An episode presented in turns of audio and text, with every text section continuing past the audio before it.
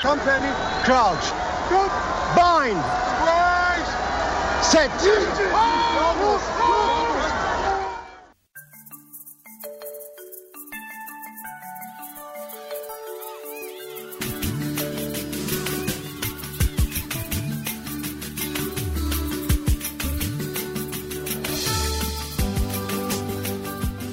Die slag van Brighton. Dit is ongelukkig waarvoor 2015 se Wêreldbeker in Engeland altyd onthou sal word. Dit is een van daardie oomblikke in die geskiedenis waarin mens terugdink en kan vra, waar was jy toe dit gebeur het?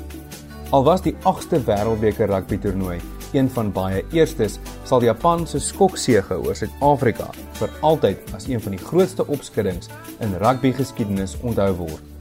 Nieu-Seeland het in 2015 se die eerste land geword om sy wêreldbeker titel suksesvol te verdedig en was ook die eerste een om 3 wêreldbekers te verower. Dit was ook die eerste skouspel waar daar geen span van die noordelike halfrond in die halfeind was nie en ook die eerste keer wat 'n wêreldbeker gasheer, naamlik Engeland, nie verby die groepfases kon kom nie. Dit is egter nie net Engeland se treurmare wat weens die verkeerde redes by 2015 se wêreldbeker onthou sal word nie.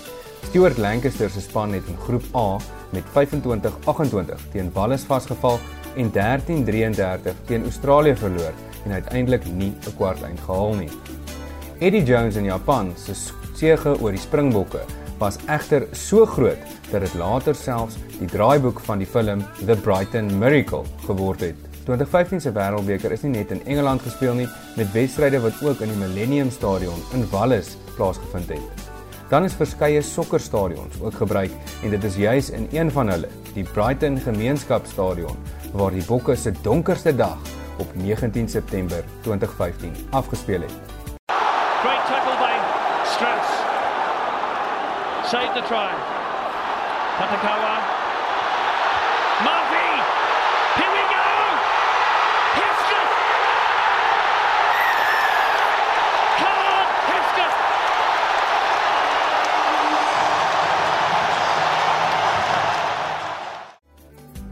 Meeste kenners het 'n maklike sege vir Suid-Afrika in sy openingswedstryd voorspel. Maar Eddie Jones, wat die Bokke gehelp het om 2007 se Wêreldbeker te wen, het Heineke Meyer se gevestigde span tot op sy knieë gedwing.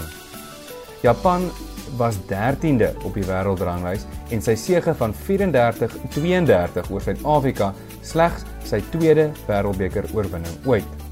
Japan het die spel blitsvinnig gemaak. Die Bokke vir 80 minute lank fisiek aangevat goed verdedig en uiteindelik is sy plaasvervanger vleuel Kaan Hesketh in beseringstyd in die hoekie oor om die bokke te skok.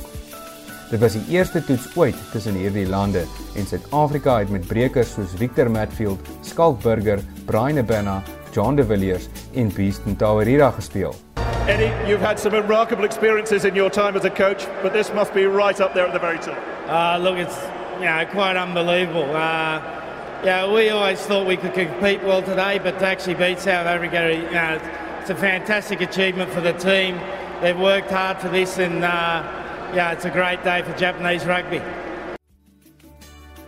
Die Bokke het hulle self daarna reggerig en vir Samoa 46-6, vir Skotland 34-16 en die FSA 64-0 in die res van hul groepwedstryde geklop en steeds bo aan groep B klaargemaak.